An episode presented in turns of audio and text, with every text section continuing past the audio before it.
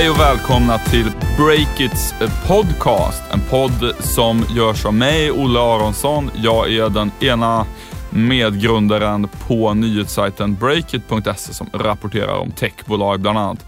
Och jag sitter här med eh, min medgrundare Stefan Lundell. Hur står det till med dig idag, Stefan? Jo då, det var bra. Så det är alltid kul att spela in en ny podd. Så eh, ja, mycket bra. Du ser pigg och glad ut. Vi ska ägna en hel del av det här avsnittet åt att prata om blockchain. Tekniken bakom kryptovalutor som bitcoin. Allt fler tunga finansiella spelare verkar ju nu tro på att eh, blockchain-tekniken kan revolutionera finansbranschen på ett sätt som vi inte tidigare riktigt har förstått. Eh, riskkapitalbolaget Northzone verkar ju till exempel tro på det. Vi avslöjar på vår sajt i morse att de har investerat i eh, svenska Cryex som faktiskt kan komma och ersätta eh, börserna på ett eh, sätt som inte är helt lätt att förstå. Men det ska vi förklara längre fram. Det där är ju riktigt stort, eh, hela det temat där. Eh, så det eh, blir, intressant att lite mer gå på djupet och lyfta fram det där. Men vi har ju också en hel del andra nyheter och analyser och leverera. Olle, börjar du? Ja, vi kan ta lite nyheter i korthet först. Eh, Amazon, Google och eh, radiotjänsten Pandora och ännu fler, typ restaurangkedjor och så. De går samman i ett upprop mot att musiker har börjat kräva mer pengar från typ streamingtjänster. Man kan säga att eh, ja, Youtube och radio och så vidare, de ryter ifrån mot Jay-Z och hans eh, kollegor och ställer sig lite grann på Spotifys eh, sida mot musikerna. Intressant att se hur det där utvecklar sig. Goda nyheter för Daniel Ek skulle man kan säga. Uh, vi noterar ju också då att uh, Tobii, förra gången vi spelade in så var det ju precis bara, bara timmar kvar innan Tobii skulle börsnoteras. Ögonstyrningsbolaget, det heta techbolaget. Som uh, många nu säger man ska uttala Tobii. Lite uttalningsstrid där. Jag vet inte vad som är rätt. Ja, jag har också noterat det, men jag kommer nog fortsätta säga Tobii, men jag brukar uttalar det mesta fel, så jag får, får ligga, på, ligga kvar på den linjen. Men det blir, blir en succé i alla fall. Vi gick upp med 30% första dagen och eh, var väl en positiv indikator för, för hela den svenska techbranschen. Intressant där med, med Tobii, för nu när vi faktiskt bara timmar här innan vi började spela in den här podden så kom det ju uppgifter om en avknoppning till Tobii då, eh, som heter Sticky. Eh, Sticky jobbar ju med den tekniken som, eh, som Tobii har eh, tagit fram. Eh, jag ska prata, säga varför vi pratar om Sticky, för de har fått in pengar precis nu och det är därför som de är i ropet även i den här podden. Men det de gör i alla fall, Sticky, det är att man, de använder sig av Tobes teknik för att eh, analysera vad vi titta på när vi är inne på olika mediesajter.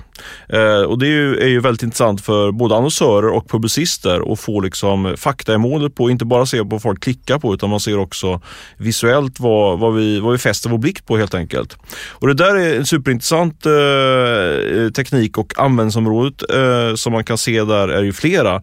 Bland annat kan man ju då få eh, som sagt svart på vitt på hur, eh, på vilka annonser som funkar och vilka som inte funkar på vilka sajter. Jag såg en jämförelse där som visar att på samma annons på, på olika sportsajter, då var det 47 procent som såg den ena, ena annons på den ena sajten medan det bara var runt 30 procent som såg den andra. Och det där kan ju då mediebolagen ta eh, mer betalt helt enkelt för, för om de kan, om de kan motivera för annonsörerna att just på deras sajt så syns och eh, uppmärksammas annonserna betydligt mera.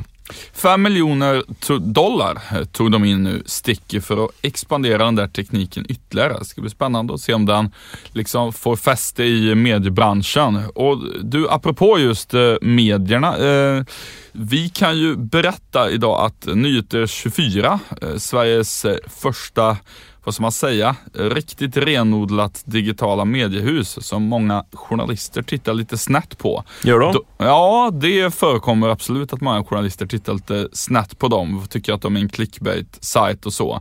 Eh, även om de väl kanske har fått något bättre rykte senaste året bara, skulle jag säga. De går i vart fall kanonbra ekonomiskt. Stefan, du kan berätta mer om det. Ja, jag gjorde intervju med en av grundarna där som heter Douglas Ros här för någon dag sedan och det är en artikel som kommer att publiceras på, på breakit.se här i helgen. Så får ni gärna gå in och läsa. Eh, nej men det går, de har ju full fart på verksamheten och de var ju som sagt lite, lite hackkyckling får man säga när, när de lanserades för en 6-7 år sedan. Eh, just på grund av att de var väldigt renodlat eh, fokus på att ja, få så många klick som möjligt. Men sen kan man ju säga nu i efterhand att det är ganska många som tagit, tagit efter deras, eh, deras teknik för att generera mycket klick. De jobbar ju mycket med sociala medier. Eh, och Douglas berättade för mig att de omsätter nästan 100 miljoner kronor under 2014 och ska omsätta 180 miljoner kronor under 2015. Så det börjar bli ett riktigt stort mediehus eh, på den svenska marknaden. Och bra på e-sport va? Ja men så är det. Det är en av de, en utav de sakerna som driver deras tillväxt förutom eh, kärnsajten då, Nyheter24.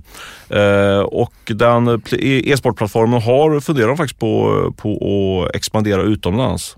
Men en sak som jag tyckte var intressant kring den här intervjun Eh, eh, kring, som Douglas, med Douglas då, det var ju att eh, de också planerar att eh, lansera Nyheter 24 utomlands. Och det har man väl det har man ju hört för att folk går utomlands med, med produkter, det är inget konstigt i och för sig. Men eh, det, det, roliga var på det sättet de ska göra, att de ska sitta kvar i Stockholm. De ska ha eh, journalister i Stockholm och eh, säljet till Stockholm.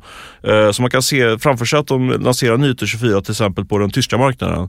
Från Sverige helt enkelt. Det är lite annorlunda när man, när man har en, en, en nyhetsprodukt. Så annars brukar man ju säga att man, ska, att man vill ha all och, all media är lo lokal så att man vill vara på plats. Liksom. Men, hur ska de gå tillväga då? Ska de ha liksom översättare eller hur, hur ska det funka? Jag antar att de, anst att de, eh, att de eh, anställer uh, tysktalande journalister. Om det nu, han var noga med att säga, han vill inte avslöja vilka marknader det var han skulle gå in på. Men, men det, Vi kan ju ta det som exempel då. Ja, men det stod, det, han sa, däremot sa han att det är inte Norden, utan det, de ska gå in på, det är lika bra, liksom, det är lika stor ansträngning att gå in i, i Tyskland som att gå in i, i Norge. Liksom. Så därför kommer de att sikta på Tyskland istället. Coolt om de gick in i typ så Thailand eller någonting, bara så totalt oväntat. Ja, faktiskt. Nej, men det ska vara intressant att följa den där utvecklingen och se. Det där är ju verkligen hur man på något sätt att man industrialiserar nyhetsproduktionen eh, till, och tar det till sin spets och även tjänar pengar på det också. Några som i vart fall har eh, industrialiserat eh, innehåll, videoinnehåll på internet, det är Youtube och nu tar de lite grann nästa steg med det där. En väldigt stor nyhet i min värld när jag läste om i veckan att Youtube ska börja se till att det finns långfilmer på plattformen. Det är ju liksom ett, eh, ett trendbrott får, får man säga och samtidigt så... Du menar från, från de mer korta klippen till att man Ja precis, det som Youtube liksom har, det som är nyskapande rent vad gäller vilket sorts innehåll det har funnits på Youtube har ju varit att det har gjort att ja, men kortare klipp eh, har liksom blivit stort på internet via Youtube kan man säga lite hårdraget.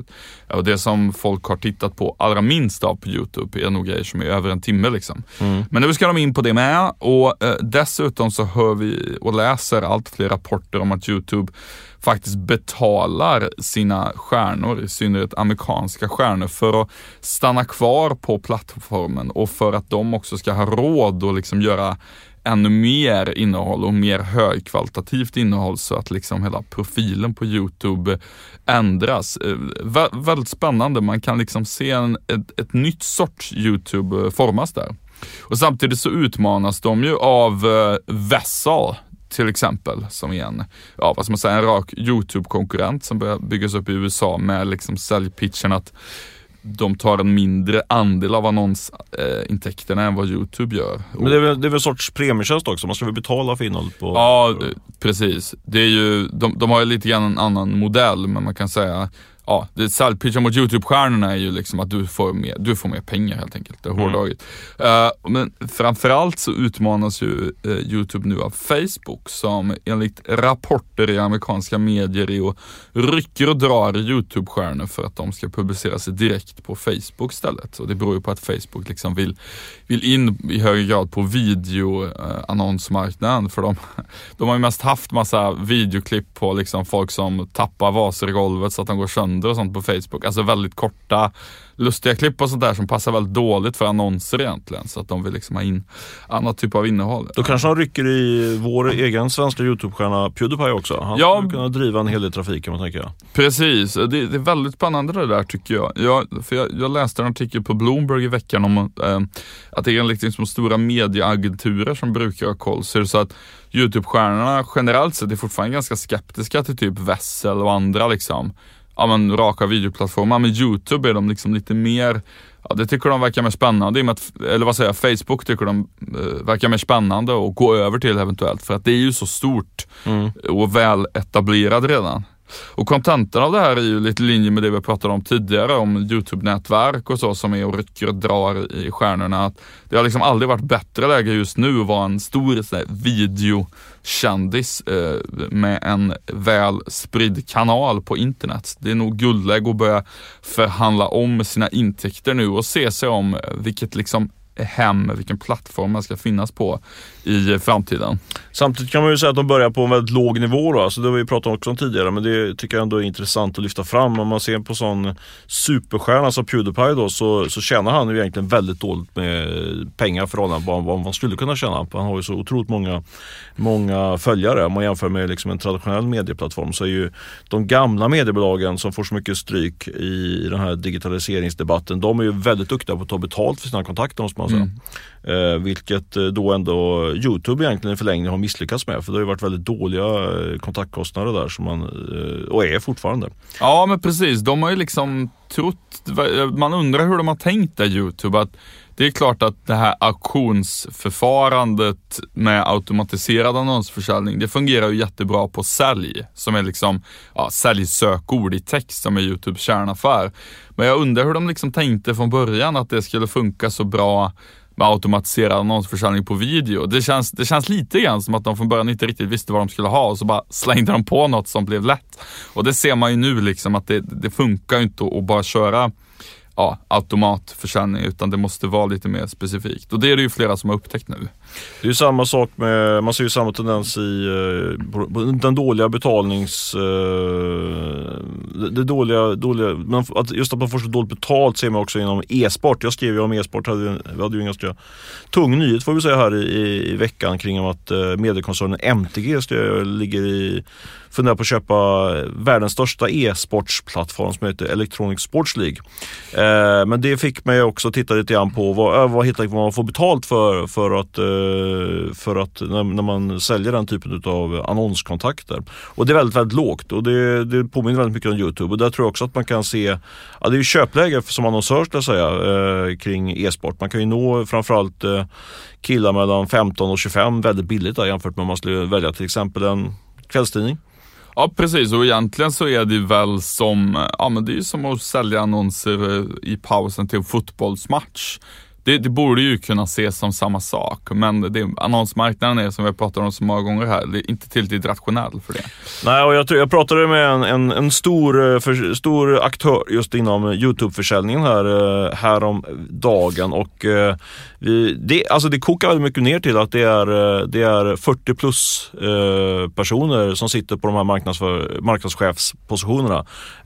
Så de kan, de menar liksom, alltså de, de kan inte riktigt ta in det här men det här är ju inte riktigt, alltså Youtube, alltså de, kan inte relatera till det. De, de relaterar ändå till, när det, kokar, när det i slutändan relaterar de kanske mer till, inte jag, Bonde söker fru eller Let's Dance. Liksom. Där vet de vad de får liksom, faktiskt. Och det kan man ju skratta åt lite men jag tror faktiskt att det, att det är ganska så, en ganska så orationell eh, köpar, eh, köparkollektiv där. Vi ska fortsätta prata lite grann om, om media, och, eh, media och tech. Olle, du hade ju i början här i veckan på vår sajt Breakit ett eh, tungt avslöjande kring, kring den hypade mediesajten Kit, den svenska mediesajten. Berätta lite mer, vad, vad, vad handlar det om och vad har du fått för reaktioner på, på din, din breaking news-nyhet? Ja, eh, Kit, det är ju då en eh, ny sajt som publicerar journalistik och det som man upptäcker som är annorlunda med den eh, direkt, det är ju att den inte har någon start startsida utan att den eh, kör bara på att sprida innehållet i sociala medier och eh, investerar mycket i att samla in data om, om användarna den vägen. Men en annan annorlunda sak med dem är också att de har fått för att vara en startup väldigt mycket pengar för att dra igång. Ja, precis. Precis när de grundade bolaget så fick då eh, Kit in 50 eh, miljoner kronor. Alltså långt innan lansering, direkt vid, vid start från Bonnier Growth Media, som är mediekoncernen Bonniers eh, riskkapitalbolag. På en så kallad powerpoint-prestation brukar man säga. Ja, men exakt så. Det, det fanns liksom inget bolag än, enligt vad jag har förstått. Och det, det, var det vi kunde berätta i veckan. Det har varit mycket spekulationer kring hur mycket pengar de har fått in, men 50 miljoner var det. Och jag vill låta till protokollet att man kan låta lite raljant där, att det är ju väldigt mycket pengar för, för, en, eh, för en startup. Och du, du beskriver också det väldigt föredömligt i artikeln kring, eh, alltså normalt sett i en såddfinansiering som heter, då brukar man få in ett par miljoner i bästa fall. Men det är ändå kul att Bonnier tycker jag gör en sån här stor satsning på, på en sån här innovativ medieprodukt och eh, jag följer det med spänning. Eh, men eh, men eh, samtidigt är det lite, lite oroväckande kanske att man har inte jättemycket fokus på, på intäkter nu i starten då, men vi får se.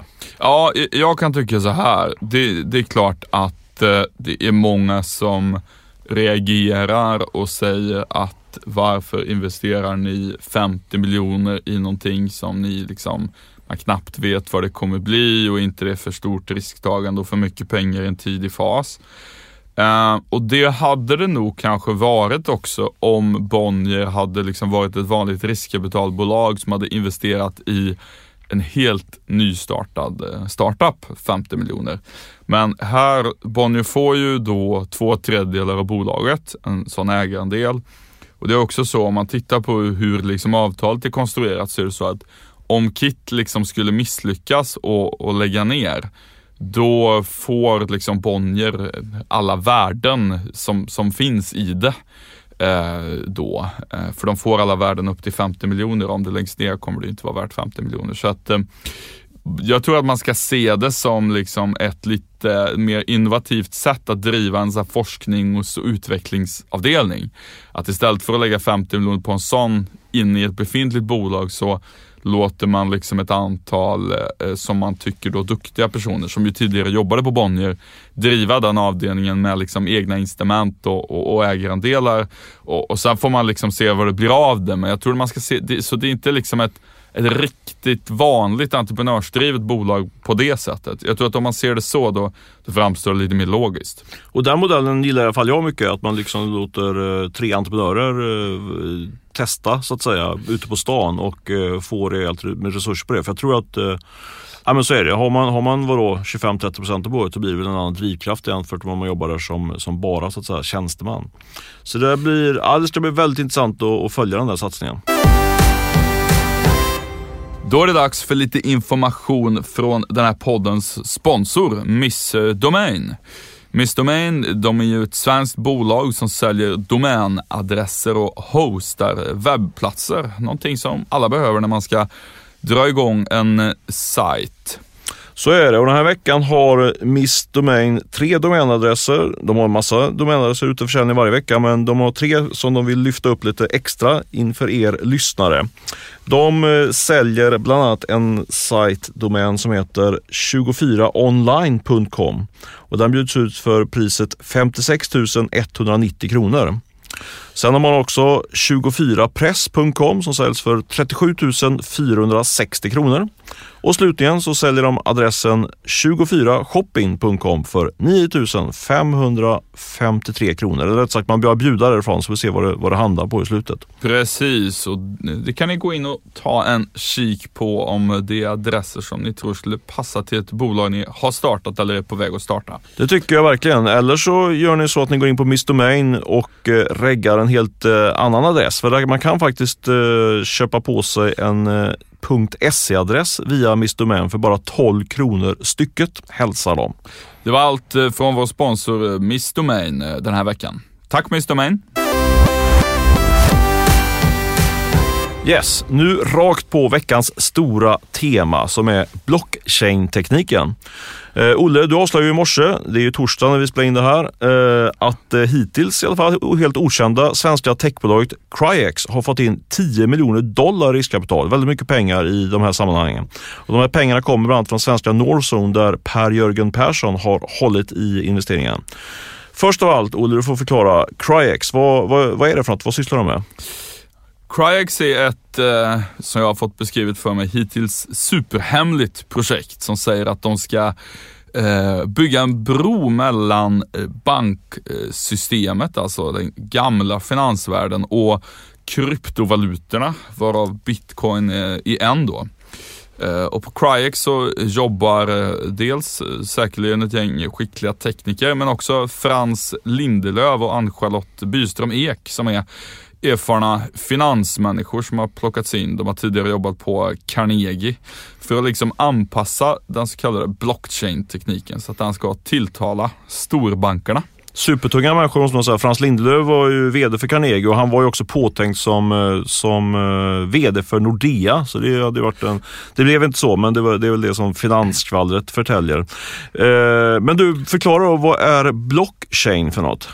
Jo, blockchain det är tekniken som ligger bakom bitcoin och andra sådana här så kallade virtuella valutor. Uh, och det är liksom via bitcoin som blockchain har varit eh, känd, men den, kan men den tekniken kan användas till allt möjligt annat. Och det är lite i det ljuset som jag tror man ska se det här att Nordson investerar i Cryex. Uh, och blockchain är en sorts register över alla transaktioner som har gjorts med till exempel bitcoin.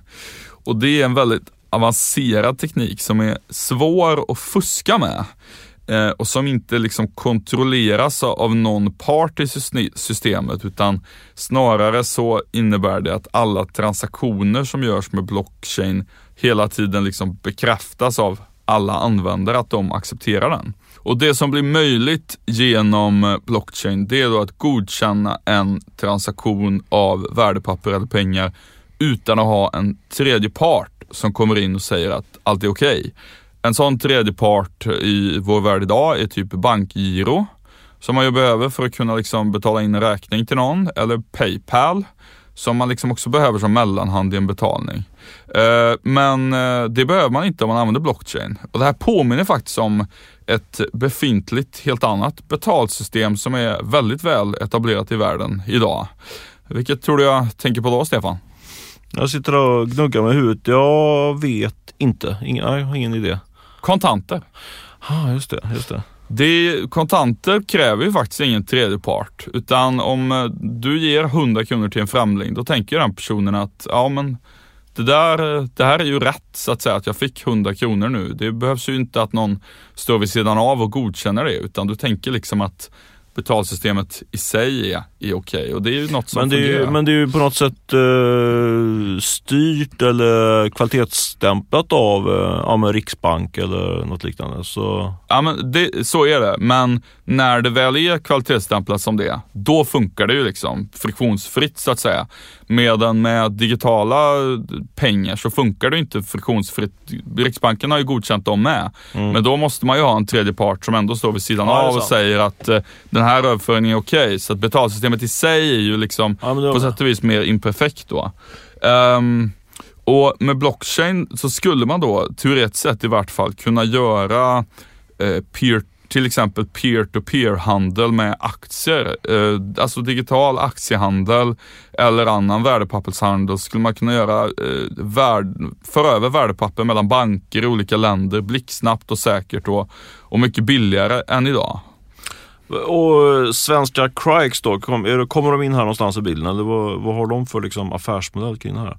Precis, eh, de kommer in här. Jag pratade med eh, Per-Jörgen Persson på Northson som har hållit i den investeringen. Och det som Northson tar ett bett på här, det är att de tror att Cryex de kommer kunna bygga tjänster som bygger på blockchain-teknik men som till skillnad från själva valutan bitcoin liksom tilltalar den traditionella bankvärlden.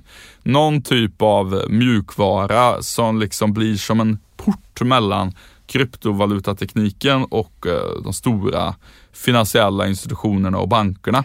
Men de har inte den här tekniken utan de ska, de ambitionen att bygga den? Eller de, de håller på att bygga den nu okay. i hemlighet. Men nu avslöjar vi det här då lite grann när de inte hade tänkt sig det. Och det var lite intressant parallell där. Per-Jörgen Persson drog själv en parallell till när OM eh, byggdes upp här i Sverige tänker man kanske inte på idag, men det var ju liksom en lite grann svensk innovation som gjorde att man kunde börja automatisera och digitalisera handeln med värdepapper eh, överhuvudtaget. Så man slapp göra det via telefon och ja, det blev mycket smidigare helt enkelt. Olof Stenhammar var det som låg bakom den. Precis, och det bolaget eh, blev ju sen Stockholmsbörsen kan man säga och är en del idag av den stora amerikanska koncernen Nasdaq. Eh, och eh, om jag har förstått det rätt så sneglar Cryex lite grann på att bli en ersättare till eh, eventuellt själva börsen, eh, men eventuellt skulle den kunna kapa åt sig den här clearingmarknaden, alltså den som godkänner transaktioner-delen, som, som Nasdaq också sysslar med. De sysslar inte bara med aktier. Men alltså det här med kryptovalutor, jag är ju, är ju väldigt fascinerad över potentialen med, med bitcoin och kryptovalutor och, som, som då baseras på blockchains. Eh, men anledningen till att jag tycker att det är spännande det är ju liksom att det utmanar hela det finansiella systemet liksom, och, att man, och det finns stora eh, det kan ske stora mm, som säga, värdeöverföringar från, från, de, från de rena rika till de fattiga egentligen om man ska, vara, man ska dra det riktigt eh, konkret. Eh, men det här är lite grann att det ska befästa de etablerade banksystemens eh, makt, kan man säga så? Eller? Ja, men det, man kan säga att investeringen bygger liksom på en tolkning av verkligheten som i att eh, idag är det som att kryptovalutorna är som ett separat system och det etablerade finanssystemet är ett annat separat system. Mm. Och att de, så länge det håller på så, så tror liksom Northson och Cryex inte att eh, det kommer slå igenom det här med kryptovalutor. För den etablerade finansvärlden är för stark liksom. Mm. Så man måste bygga en port emellan dem och anpassa kryptovalutorna lite efter hur bankerna vill ha det och vad de efterfrågar för tjänster och så här, så att de bestämmer sig för att nu kör vi på det här. Och, Hoppas då bara att det, effekten inte blir att, liksom att de här, för det, det man hör är ju att, eh, att de här transaktionskostnaderna som ligger på typ, jag tror att 3-4 procent, jag träffade faktiskt en riktig sån här bitcoin eh, kunnig person i veckan på ett event och eh, jag tror han sa att det var 3 eller 4 procent av hela världens BNP gick, eh, gick upp i, i rök, eh, eller rätt sagt att hamna hos rika bankirer för att det är transaktionskostnader så att säga. Eh, eh lång utsväng, men man hoppas ju att, eh, att de där eh, effekterna, eller vinsterna ska inte bara hamna hos den här etablerade finans segmentet då. Ja men precis, det, det där är ju liksom, ja, vi är väldigt långt ifrån att få något svar på hur det kommer bli där men man kan ju hoppas någonstans att om bankerna får lägre kostnader så låter de det spela över på kunden i någon mening. Och om de inte gör det så startas det upp någon liksom lågpriskonkurrent som kanske är Cryex, ja, vad vet mm. jag, som, som liksom löser det där ändå. Det, det, det borde ju bli så enligt liksom vad ska man säga, teorin om, om fri konkurrens. Sen fungerar ju konkurrens väldigt dåligt då i, i, bank, ehm, i banksektorn tyvärr för närvarande. Men det är nog, om man som liksom kryptovaluta-entusiast är det nog kanske det man ska hoppas på om man tror på på, på Cryax. Men vi får se. Det är ju verkligen ett företag som inte ens verkar ha en färdig produkt än alls. Men jag tror, jag tror det är eh, viktigt att vi lyfter upp det här i podden för vi försöker vara lite grann sådär på, på, på tå med vad som, vad som eh, är på gång. Så att säga. Och min känsla är i alla fall att, att uh, kryptovalutor är någonting som håller på att ta fart igen. Liksom. Och det, det är ju tydligt tecken är att både Northson och, och andra tunga riskkapitalisatören här i Norden. Creandum har ju gått tungt in där och det ser man i Silicon Valley också. Det brukar ju vara personer som, som eh, förr eller senare hittar rätt liksom, i sina investeringar. Eh, så det där är, ja, det är spännande. Jag tror att vi ska på breaket ska försöka lyfta upp de här människorna som rör sig i det här nya eh, spännande kryptovaluta startup segmentet. Långt ord. Ja, verkligen. Och för er som känner att ni liksom vill ha ännu mer kött på benen och lite ytterligare in på djupet förstå hur blockchain egentligen fungerar och varför det anses vara bra och säkert och så. Jag rekommenderar att ni går in på någon sökmotor, ingen nämnd, ingen glömd sådan. Uh, ofta stora amerikanska börsnoterade företag bakom de sökmotorerna. Ja, i, i vart fall så uh, där söker ni på um, Eh, typ blockchain explained financial times. Så har de gjort en väldigt trevlig pedagogisk video på typ fem minuter där de förklarar lite mer hur det funkar och hur det skulle kunna användas. Det kan jag varmt rekommendera till den som vill ha mer nu när vi är färd med att avsluta det här podcastavsnittet. Ja, precis. Det är fascinerande tycker jag ändå med just det här med att man, jag har verkligen lagt ner ganska mycket tid på att förstå, förstå eh, bitcoin, kryptovalutor. Och fortfarande så är det eh, inte helt klart. Det beror ju på kanske min begränsade intellektuella kapacitet men det är väl också, tror jag också att det är väldigt krångligt eh, och komplext och det gör att, det är väl också en orsak till att det det tar så lång tid innan det tar fart. För annars känns det lite grann som en no-brainer om man kan liksom spara in 4% av världens BNP. Då är det bara att köra igång. Ja, verkligen. Så kan man känna ibland med de här liksom, trendspaningarna. Men det är, det är annat när man ska genomföra det i praktiken. Hör gärna av er också om ni känner till några spännande startups inom det här segmentet. Jag tycker att det är superspännande. Här. Verkligen. Uh, vi ska säga att det här avsnittet spelades in och klipptes av Beppo ljudproduktion, en prominent ljudfirma här på Södermalm i, i Stockholm. Eh, och följ oss gärna på Twitter eh, på atbreakit-se så får ni alla våra nyheter där. Eh, eller följ oss på LinkedIn eller Facebook. Det går också. Eh, Stefan kan ni följa på, ja, vad har du för Twitter? Att Stefan Lundell. Ja, det var lätt och rakt. Och att Olle Aronsson för mig. Eh, annars får ni ha en grym eh, långhelg nu över valborg och första maj så hörs vi nästa vecka. Och glöm inte att gå in på breakit.se. Vi jobbar hela helgen med olika nyheter. Verkligen. Hej då! Hej då!